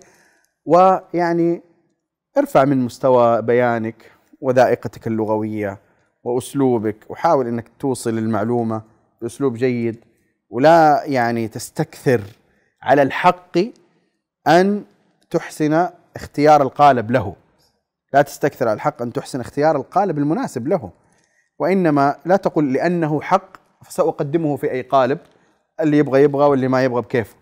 لا الله سبحانه وتعالى اختار للحق ها لغة العرب وجعل لها أعظم أنواع البيان وتحدى الناس أن يأتوا بمثله. جيد؟ وإلى آخره مما تعلمون. طيب هذا كم أخذنا معلم؟ سبعة. المعلم الثامن من معالم التربوية في مدرسة النبي صلى الله عليه وسلم وهو أيضا يذكر عادة في يعني خلينا نقول في السياق التربوي الإسلامي آه، في المحاضر وما إلى ذلك وهو حقيقي وأساسي ومركزي وهو التربية بالقدوة. القدوة أن النبي صلى الله عليه وسلم كان قدوة لأصحابه وهذه القدوة متصلة اتصالا وثيقا بالمعنى التربوي و و الله سبحانه وتعالى في عليائه يخاطب أصحاب نبيه بهذا المعنى. يخاطبهم بهذا المعنى. أنا ما أتكلم الآن عن مجرد المعنى التأسيسي للاقتداء اللي هو لقد كان لكم في رسول الله أسوة حسنة وإنما أتكلم عن السياق الذي جاءت فيه هذه الآية. السياق الذي جاءت فيه هذه الآية كان فيه موقف عملي تربوي بالقدوة. ها؟ لا فين فين جاءت لقد كان لكم في رسول الله أسوة حسنة؟ في الأحزاب. في الأحزاب. حين بلغت القلوب الحناجر وظن بالله الظنون وقال المنافقون ما قالوا بيوتنا إن بيوتنا عورة إلى آخره. تمام؟ وبعدين قال الله سبحانه وتعالى آه، قد يعلم الله المعوقين منكم والقائلين لإخوانهم هلم إلينا ولا يأتون البأس إلا قليلا. أشحة عليكم. ثم الآية اللي بعدها إيش؟ أو لا نهاية الآية إيش؟ لا أولئك لم يؤمنوا فأحبط الله أعمالهم وكان ذلك على الله يسيرا يحسبون الأحزاب لم يذهبوا وإن يأتي الأحزاب يودوا لو أنهم بادون في الأعراب يسألون عن أنبائكم ولو كانوا فيكم ما قاتلوا إلا قليلا لقد كان لكم في رسول الله أسوة حسنة. في ذلك الموقف الذي بلغت فيه القلوب الحناجر كان النبي صلى الله عليه وسلم النبي صلى الله عليه وسلم أمامكم ثابتا صابرا. غير خائف ولا وجل ولا مضطرب فلكم فيه في تلك المواقف أسوة حسنة.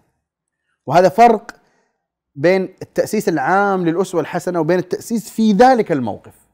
جيد؟ وفي أحد مثل ذلك فين الآية التي فيها قدوة النبي صلى الله عليه وسلم؟ في الثبات.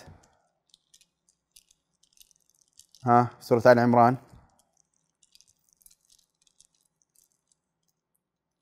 من يأتي بالمعنى؟ بالآية؟ أحسنتم. أحسنتم. والرسول يدعوكم في أخراكم. إذ تصعدون ها؟ ولا تلوون على أحد. والرسول يدعوكم في أخراكم. ها؟ كان بينكم ثابتا. يدعو مو فقط ثابت يدعوكم ها؟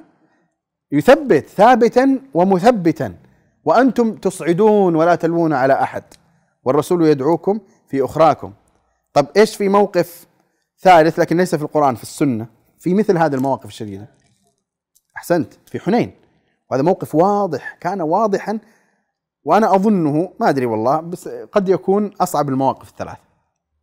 لأنه كان في مفاجأة كان في مفاجأة سريعة جدا جدا جدا. بالنسبة لأحد صحيح صار في مفاجأة لكنها يعني وفي آه، كذلك إيش اللي كان في الأحزاب. لكن في حنين كانت مفاجأة غير متوقعة ابدا وسريعة وقاضية. كان الجيش يسير على الصباح وقت مبكر في وادي ما بدون أي مقدمات أي مقدمات. الأسهم كالمطر. الأسهم كالمطر نزلت وكانوا رماة. واختبأوا كمنوا عارفين الطريق؟ كمنوا خلف الصخور. لما دخل الجيش كل واحد منهم أخذ النبل وإرمي. وتعرف في هذا الموقف وين ترد؟ ما في. كل واحد خلف صخرة وحجر وهم اللي راصدين الطريق كالسهام كالمطر السهام كالمطر. في ذلك الوقت فر الناس. فر الناس. إلا قليلا. ها؟ في ذلك الموقف النبي صلى الله عليه وسلم كان يهتف. أنا النبي لا كذب. أنا ابن عبد المطلب وأبو سفيان بن الحارث ابن عم النبي صلى الله عليه وسلم غير أبو سفيان بن الحرب كان آخذا ببغلة النبي صلى ببغلة النبي صلى الله عليه وسلم يقول فكنت أكفها حتى ما تقدم. يعني هو الناس جات الأسهم فرجعوا. النبي صلى الله عليه وسلم تقدم. فأبو سفيان آخذ ببغلة النبي صلى الله عليه وسلم يكفها ما تتقدم أكثر. تروح جهة الأعداء وهو يقول أنا النبي لا كذب أنا ابن عبد المطلب. أعطني ألف درس عن الثبات. هذا الموقف وحده ليس عن ألف درس فقط هذا عن كل ما يمكن أن تتكلم عن كل ما يمكن أن تتكلم. واضح الفكرة؟ فبعد ومع ذلك يأتي القرآن منبها على الثبات كذا لكن هذا الموقف العملي الآن أمام الصحابة رضوان الله تعالى عليهم هذا من أهم العناوين في المدرسة النبوية. لاحظوا هذه الآن ثلاثة مواقف صعبة وشديدة وقا يعني وفاصلة ولكن كلها هذه في سياق واحد. وهو في سياق القدوة في الثبات في ميدان الجهاد في سبيل الله. افتح صفحة أخرى من القدوة في حياة النبي صلى الله عليه وسلم. ها؟ مثلا القدوة في نعم. في تحمل الشدائد وقت العمل في سبيل الله. هذا عنوان. تمام؟ القدوة في التعامل مع الناس من ناحية الصبر على الجهال. طيب عنوان هذا ثالث. عنوان رابع. القدوة في التعبد. قدوة في التعبد. واضح؟ أفلا أكون عبدا شكورا كذا كذا. واضح؟ فلذلك بعد هذا كله ما تتعجب حين يقول الله سبحانه وتعالى وكيف تكفرون؟ اي وأنتم تتلى عليكم آيات الله وفيكم رسوله. وفيكم رسوله. واضح؟ وفيكم رسوله ليس فقط معنى تنزل الوحي وإنما الصورة العملية التي لخصتها عائشة رضي الله عنها كان خلقه قرآن. هو خلق وعمل وقدوة أمام الصحابة. ولذلك أو وبعكس ذلك تماما لا تستغرب أن يكون هناك ردات فعل عكسية وانتكاسات حين يكون المربي أو الداعية أو المصلح أو الشيخ أو هذا صاحب مواقف سيئة. ها؟ إيه، إنه إنه إيه، يصدم الطالب مثلا ببعض المواقف التي بالضبط. تأمر الناس بالبر وتنسون أنفسكم أو يأمر بالمعروف ولا يأتيه ويأمر بالمنكر ويأتيه. طيب كم معلم هذه؟ ثمانية. المعلم التاسع هو معلم التربية على آه النظر للمستقبل. القريب والمستقبل البعيد. وجعل عين أو أعين الصحابة المتربين في مدرسته عليه الصلاة والسلام وقلوبهم أو جعل أعينهم وقلوبهم دائما دائما تطمح وتنظر للمستقبل بحيث إنه هذا لا يكون نظرا خاصا برواد التخطيط الاستراتيجي في المدرسة التربويه النبوية لا لا. الكل عينه معلقة للأمام. ولا نقول المستقبل القريب والمستقبل البعيد. المستقبل القريب هو الدنيوي والمستقبل البعيد هو الأخروي. وهذه التربية على المستقبل لها أثر في وصايا النبي صلى الله عليه وسلم وفي تربيته العملية. ولذلك لما جاء ل آه لما جاء للأنصار وقال إنكم ستلقون بعدي أثرة فإيش الوصية؟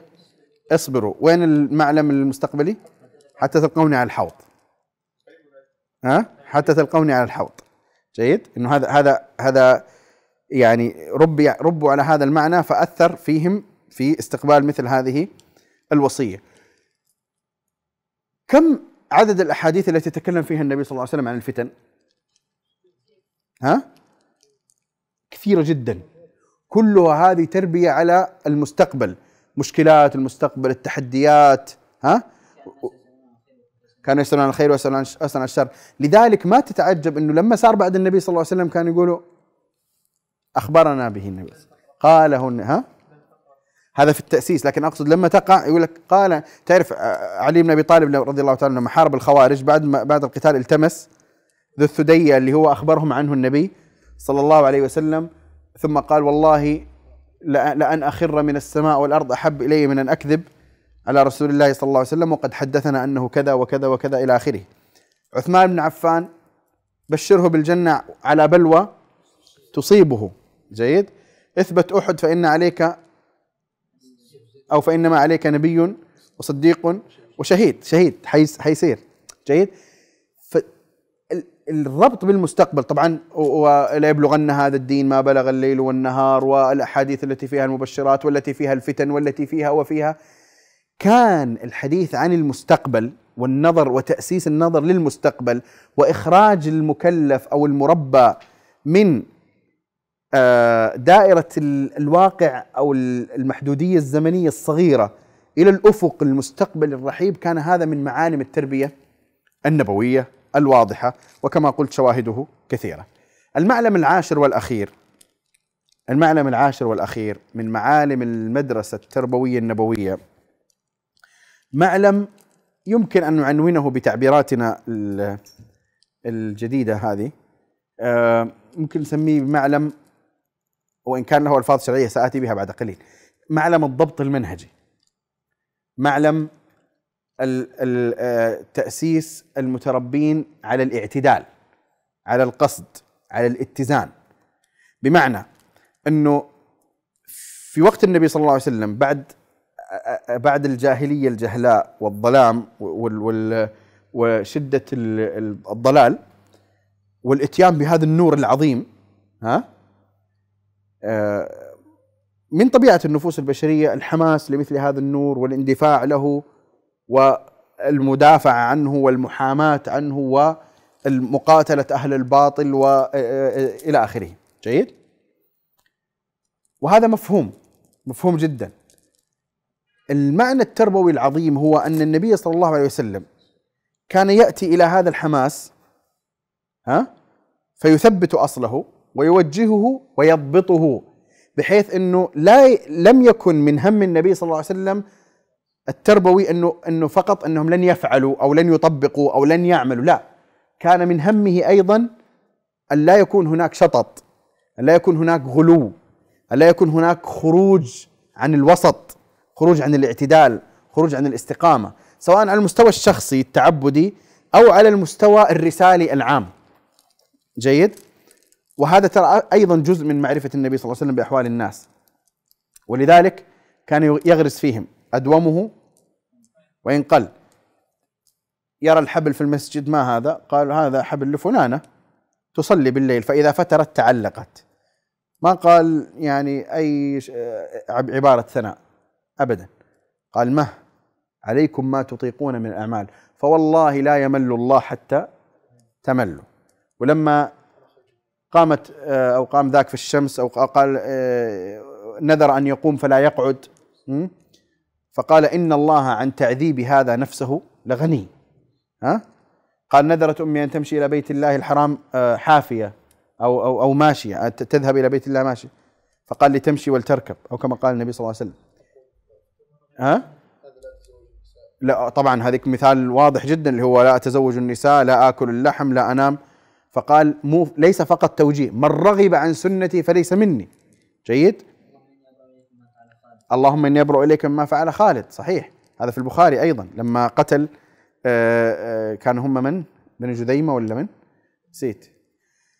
آه، وأمثال ذلك الكثير من الموقع وهذا معنى عظيم جدا. لذلك ترى قد تجد سياق تربوي أو دعوي يتجاوز حالة الخمول والكسل إلى حالة الحماسة ها والإقبال خاصة في مراحل التي يكثر فيها الفساد وتنسد فيها آفاق الإصلاح والأمل. جيد؟ هذه الحالات هذه الحالات التي يحارب فيها تحارب فيها الأعمال الإسلامية وينسد فيها الآفاق و و إلى آخره هذه حالات مرشحة لظهور آه، ردات فعل متجاوزة. ردات فعل متجاوزة. أنت أنت طبعا عندك شكوى عامة من الخمول والكسل فأنت تحتاج الحماس لكن تحتاج أن يضبط. من معالم المدرسة التربوية النبوية أنه في ظل ذلك السياق الإحيائي العظيم الذي تجاوز مرحلة الظلام الدامس وال وال والمشكلات الكبرى التي كانت موجودة ومع ذلك كان منضبطا. كانت الحدود في حدود ضابطة. لا تفعل. كذا. أفضل أحب الصيام إلى الله. صيام يوم وإفطار يوم. طب أنا بصوم كل الدهر. أكثر تعبا وأكثر. كل الدهر يعني لو كان بيصوم 15 هذا حيصوم 30 سنة. مو شيء سهل لما تقول يعني ها؟ لا. هذا اللي يصوم أقل يصوم نصف المدة أفضل وأحب إلى الله سبحانه وتعالى. تأسيس. ويأتي الصحابي يراجع عبد الله بن عمرو بن العاص. يا رسول الله إني أطيق أكثر من ذلك. ها؟ إني أطيق أكثر من ذلك. تعرف لما كان يقرأ القرآن كل ليل؟ ونزل معه نزله النبي صلى الله عليه وسلم. أصلا أول ما قال له قال له اقرأ القرآن في كل شهر لنفسك. مرة. هذا معلم كثير التفاصيل في حياة النبي صلى الله عليه وسلم.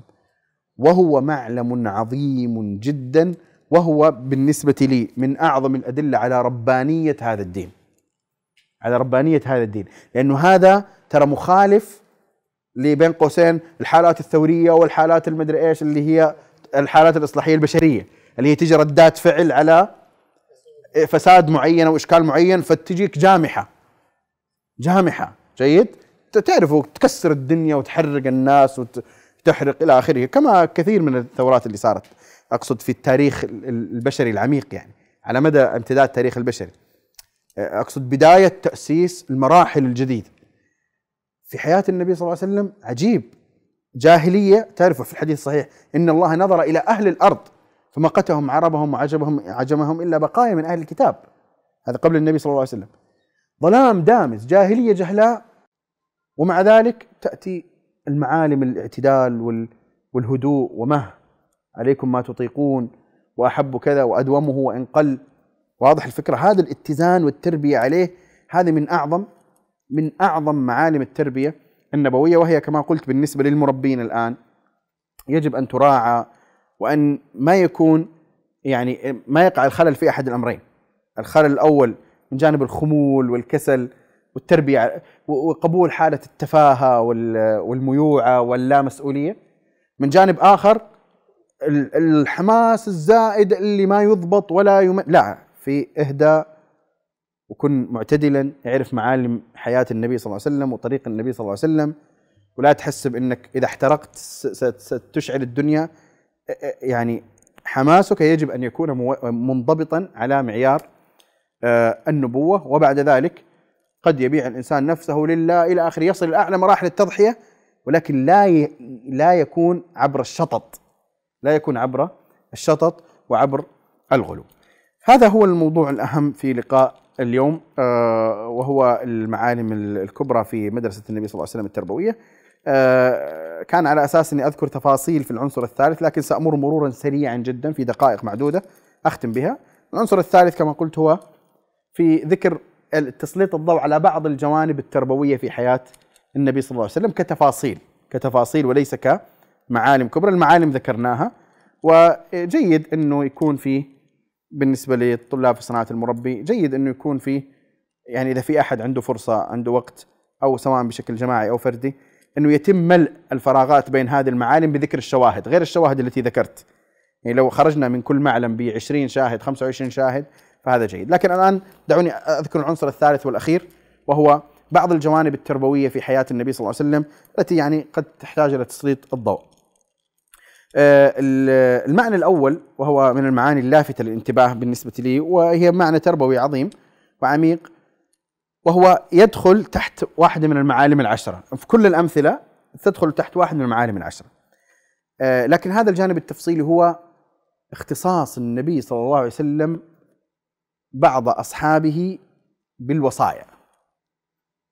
الوصايا الخاصة في حياة النبي صلى الله عليه وسلم لم تكن شيئا قليلا وهي لافتة للانتباه جدا ويمكن أن يستفيد منها المربي كثيرا. يستفيد منها المربي ماذا؟ يستفيد منها المربي أنه آه أنه ليس التربية لا, دائم لا تكون دائما بالخطاب العام. وإنما ضمن الخطاب العام يجب أن يكون هناك خطاب خاص. هذا الخطاب الخاص يترك في نفس من خوطب به أثرا بالغا قد يستمر معه طول عمره. خاصة إذا كان المربي صاحب علم وقدوة ومحل إكبار من جهة المتربي. دعوني أذكر لكم بعض الأمثلة سريعا. يا معاذ والله إني لأحبك لا تدعن دبر كل صلاة أن تقول اللهم أعني على ذكرك وشكرك وحسن عبادتك.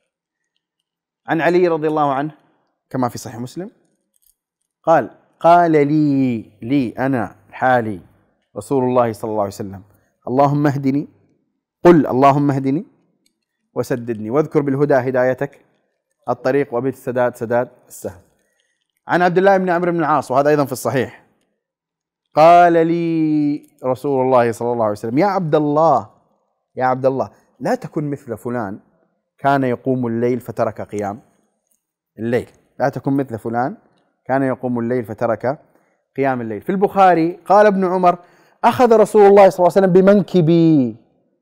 وقال كن في الدنيا كأنك غريب أو عابر. سبيل. كن في الدنيا كأنك غريب أو عابر. آه سبيل. آه يا غلام. لا قبل احفظ الله يحفظك يا إني أعلمك كلمات.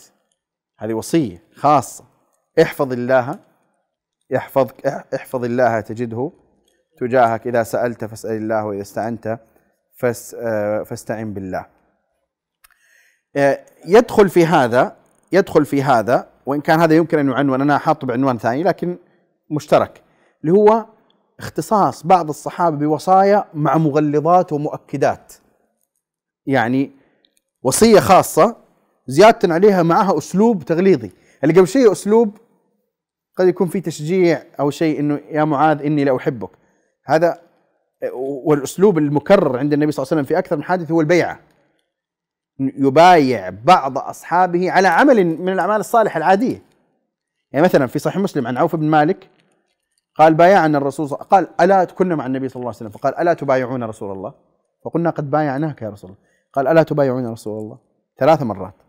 ثم قال بايعوني آه، أو ألا تبايعون رسول الله؟ قال على على أن تعبدوا الله لا ولا تشركوا به شيئا. والصلوات الخمس وتطيعوا وألا تسألوا الناس شيئا. قال عوف أو الراوي عنه فلقد رأيت هؤلاء يسقط صوت أحدهم فما يطلب من أحد أن يعطيه إياه. لاحظوا الآن هذه وصية خاصة ومغلظة بأسلوب البيعة. وتأثيرها على النفس أنه حتى في الأشياء البسيطة واستمرت. طيب جرير بن عبد الله رضي الله تعالى عنه كما في البخاري لما توفي أحد الصحابة نسيت أظن المغيرة كان أميرا على الكوفة فقال صعد المنبر وأوصى الناس بالهدوء والسكون حتى يأتيهم أمير ثم قال أيها الناس إني لكم ناصح. ها؟ وقد بايعني رسول الله صلى الله عليه وسلم أو بايعت رسول الله صلى الله عليه وسلم على كذا وكذا والنصح لكل مسلم. أيها الناس إني لكم ناصح. لاحظوا استحضار الوصية الخاصة المغلظة بالبيعة وما نتج عنها بعد سنوات طويلة من وفاة النبي صلى الله عليه وسلم أنه استحضر معنى النصح الذي قدم إليه يرحمك الله الذي قدم إليه بشكل خاص الذي قدم إليه بشكل خاص. وتعرفوا أيضا في الحديث في البخاري بايعنا رسول الله صلى الله عليه وسلم على أن لا ننوح في النساء. ها؟ بايعنا الرسول صلى الله عليه وسلم على أن لا ننوح بس الله يعني يهديهم النساء ما التزموا كثير. لأنه قال فما وفت منا هم خمسة كانوا. فما وفت منا غيره أو ما قال خمسة فما وفت منا غير خمس غير خمس نسوة. ومنهن أم عطية آه، رضي الله تعالى عنها. طيب الآن هذا هذه أمثلة على هذا جانب في حياة النبي صلى الله عليه وسلم. لاحظوا إحنا ذكرنا أمثلة كثير. في مثال آخر جميل جدا ولطيف. لما جاء النبي صلى الله عليه وسلم في الليل إلى بيت علي وفاطمة وجلس بينهما وقال ألا تصليان؟ وعلمهما الأذكار ذكر الله أكبر وتمام خير لكما من خادم تمام؟ يمكن موقف واحد أو أكثر من موقف موقفين ربما أي أي إنما نفوسنا إنما أنفسنا بيد الله في شاء بعث بعث. موقفين صحيح. يعني فقال فخرج النبي صلى الله عليه وسلم وهو يضرب فخذه ويقول وكان الإنسان أكثر شيء جدلا. آه بس لاحظوا إنه كيف النبي صلى الله عليه وسلم يختص أصحابه في مواقف كثيرة جدا بالوصية. لما كان في سفر أيضا قال يا عبد الله بن قيس اللي هو أبو موسى الأشعري ألا أدلك على كنز من كنوز الجنة؟ طب هو السفر معاه صحابه كثير. هذه وصية لعبد الله بن قيس. طبعا كل الصحابة ينقلونها ينقلونها لكن هذه الوصايا. ولاحظوا هذه اللي ابتدأها النبي صلى الله عليه وسلم من عنده. في حزمة أخرى كبيرة اللي جو اللي جو سألوه بشكل خاص. هذه حزمة ثانية كبيرة. أيوه أوصني قال لا تغضب. وقل قل لي في الإسلام قولا لا أسأل عنه احدا بعدك إلى آخره. خلاصة الكلام إيش؟ هذا الجانب التفصيلي من حياة النبي صلى الله عليه وسلم من الجوانب التي ينبغي على المربي على المصلح الداعيه أن يعتني بها، وهي داخلة تحت معلم إيش من المعالم العشرة؟ جزء منها الأساليب، تنويع الأساليب وأيضا المعرفة المعرفة المعرفة بأحوال الأفراد، قرب منهم، هذا يصيب كذا، لذلك التغليظ التغليظ مو الشدة. السؤال هنا التغليظ. التغليظ مو الشده التغليظ مو يعني مو لا التغليظ يعني تأكيد تأكيد. وأخذنا منكم ميثاقا غليظا يعني مؤكدا شديدا فالبيعه كانت هي التغليظ. طيب آه هذا هذا عنوانها من العناوين التفصيلية مهمة جدا. الثاني الثالث؟ طيب هو إحنا قلنا اما اثنين أو الثالث. التعليم الخاص. التعليم الخاص عند التكليف والمهام. يعني إذا كان النبي صلى الله عليه وسلم كما في معلم التكليف إنه يكلف أصحابه عمليا كان مما يلفت الانتباه إنه عند التكليف في توصيات خاصة في تعليم خاص في اهتمام خاص. إيش في أمثلة؟ أيوه يا معاذ إنك تأتي قوما أهل كتاب هذا تعليم بالفئة المخاطبة. ثم توصية تفصيلية فليكن أول ما كذا فانهم فكذا إلى آخره. وفي الإمامة أنت إمامهم واقتد باضعفهم إذا أما أحدكم الناس فليخفف.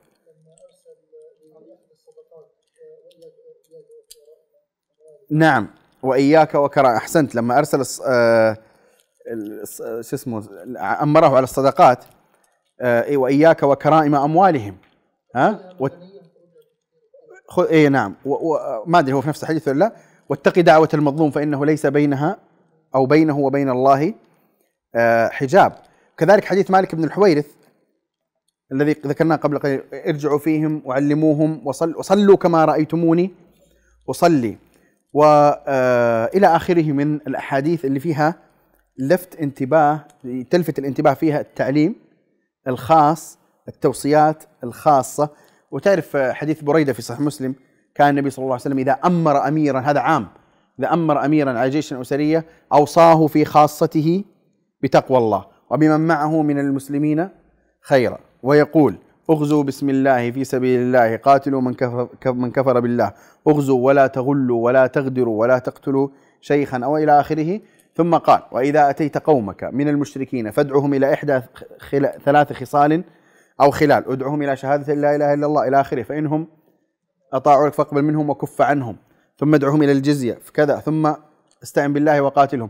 وإذا آه، حاصرت حصنا ف ف إيش؟ معنى الحديث؟ فطلبوا منك أن تنزلهم على حكم الله ورسوله فلا تنزلهم على حكم الله ورسوله وانزلهم على حكمك فإنك لا تدري تصيب فيهم حكم الله أم لا. لاحظوا تفاصيل الوصايا عند التكليف. هذا يؤخذ منه معنى عام وهو إنه إذا كان من المعالم إنه التكليف والعملي لا تخليه بدون تدريب لا تخليه بدون توصية لا تخليه بدون أن تأخذ بيده حتى يصل إلى نتيجة. آه، لما أعطى عليا الراية أحسنتم. لما أعطى عليا الراية ها انفذ على رسلك. وهذه انفذ على رسلك أنا مدرسة عندي. هذه انفذ على رسلك. يعني المقام مقام حصار يهود. وطول الحصار تمام؟ وأنت تعرف يعني تقدر تتخيل إنه الحصار هم نفسية نفوس الناس وقت الحصار ها أه؟ خلاص يعني تمام؟ إيه بعدين إيش؟ وفي وعد بالفتح تمام؟ يعطيه الراية ويقول له انفذ على رسلك. هدوء حتى تنزل بساحتهم. وين العجب؟ فادعهم إلى شهادة لا إله إلا الله. تمام؟ وقال له شوف نفسية نفسية علي بن أبي طالب وهو يحمل راية الجيش ورايح يفتح الآن. شوف النفسية إيش اللي الوصايا. شو تختلف. تختلف بين واحد جاي يبغى يحرق الدنيا وما يبقي وريد على رقبة إلا أزاله وبين واحد الوصية التي ترن في أذنيه هي فوالله لأن يهدي الله بك رجلا واحدا. قالها في ذلك المقام عليه الصلاة والسلام. خير لك من أن يكون لك حمر النعم. هذا المطلوب. ما قبلوا ما استجابوا لن نكون جبناء ولا متراخين. سينالون نصيبهم. ولم يستجيبوا وفتح القصد إيش من عنوان هذا كله؟ هو أن النبي صلى الله عليه وسلم كما كان يختص كثيرا من اصحابه بعض الوصايا واحيانا يغلظ فيها الأسلوب أقصد يعني يوثق فكذلك كان إذا كلف بعض أصحابه فإنه يجعل مع التكليف الوصايا والتوجيه والبناء والتعليم الخاص والتبصير بما بما بما الذي سيقدم عليه آه، وما إلى ذلك. وهذا كما قلت فيه آه، آثار كثيرة. عنوان آخر وهو عنوان أيضا آه، مستعمل اليوم كثيرا بحكم أنه موافق للثقافة. الإيجابية المعاصرة التي تعتني ب يعني مشاعر. وهذا شيء جيد طبعا. ألا وهو التشجيع والتحفيز. التشجيع والتحفيز. النبي صلى الله عليه وسلم حقيقة كان يستعمل هذا الأسلوب وهو أسلوب يعني قلت ما قلت هو أسلوب تحبه النفس البشرية. وهو أسلوب تربوي عظيم. وفي الأخير حتى يعني الله سبحانه وتعالى يعني جعل الجنة محفزة للمؤمنين للعمل فالنبي صلى الله عليه وسلم كان أنا اللي يلفت انتباهي إيش؟ مو التحفيز اللي هو بعد إنجاز معين، هذا مفهوم. شكر ثناء مفهوم، لكن أحيانا التقاطه معينة والنموذج المعياري عندي فيها هو حديث في البخاري حديث أبي هريرة. جاء أبو هريرة قال يا رسول الله ولاحظوا أسئلة النب... أسئلة الصحابة. ها؟ قال يا رسول الله من أسعد الناس بشفاعتك يوم القيامة؟ من أسعد الناس بشفاعتك يوم القيامة؟ الآن أنت تنتظر الجواب قبل الجواب جاء التحفيز قال النبي صلى الله عليه وسلم لقد ظننت يا أبا هر ألا يسألني عن هذا الحديث أحد أول منك لما رأيت من حرصك على الحديث أسعد الناس بشفاعتي يوم القيامة من قال لا إله إلا الله خالصا من قلبه من قال لا إله إلا الله خالصا من قلبه أخرجه البخاري في صحيحه. شايف لاحظت كيف يعني هذا كذا هذا شيء مقصود مقصود. قبل ما يجاوبه أراد النبي صلى الله عليه وسلم يقول له أنت يا أبا هر تستحق أن أشيد بحرصك على الحديث وسؤالك هذا هو جزء من حرصك. ولذلك ما تستغرب بعدين أن أبو هريرة يكون أكثر راوي الحديث وما تستغرب. مو النبي صلى الله عليه وسلم كان يحث على يحثه في هذا المعنى تحديدا.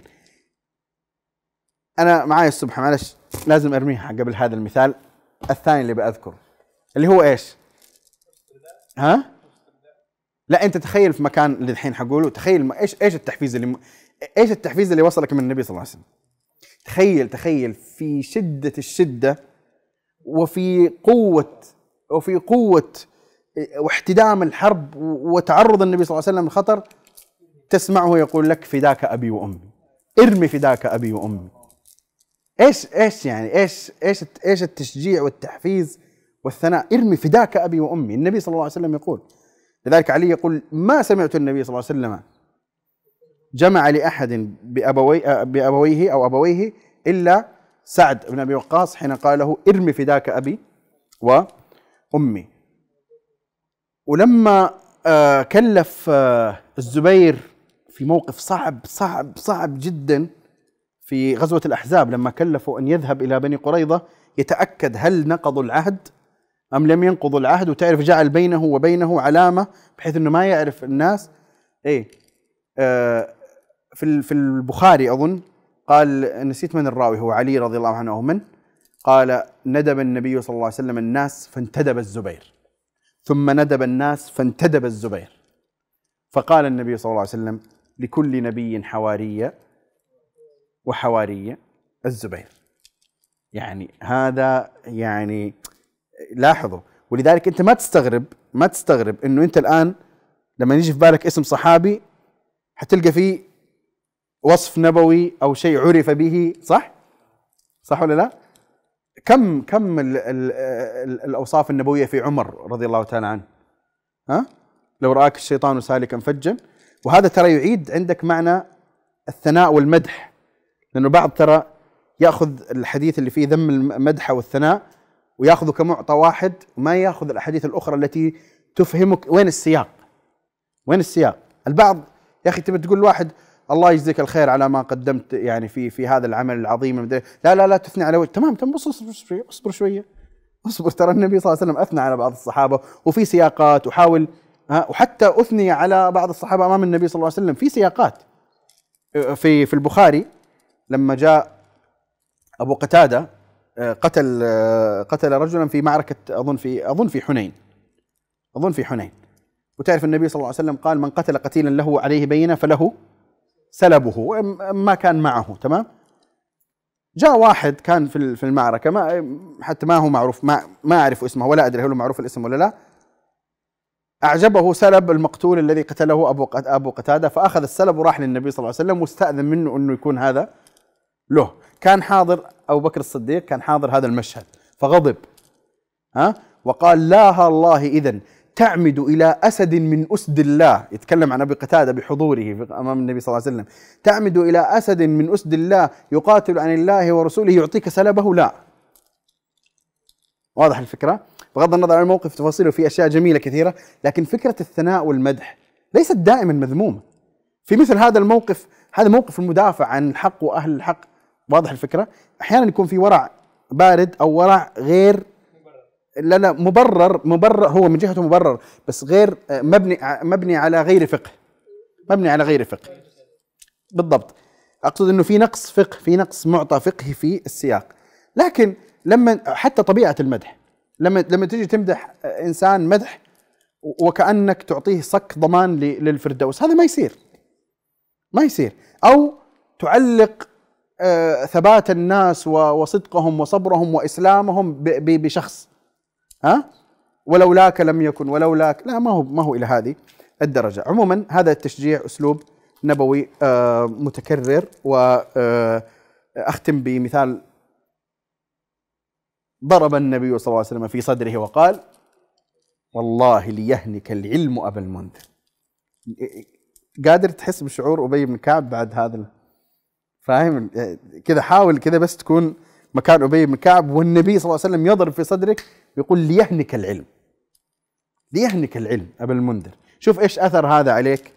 آه ما أتكلم عن الناحية الشعورية البحتة فقط أتكلم عن حتى من ناحية العلم والاهتمام به والمنزع الذي عموما المقام طال أكثر مما كنت أريد ولكن الحديث عن النبي صلى الله عليه وسلم وعن حياته وعن مدرسته التربوية آه، هو حديث عظيم وحديث كبير وحديث كما قلت واسع الإرجاء.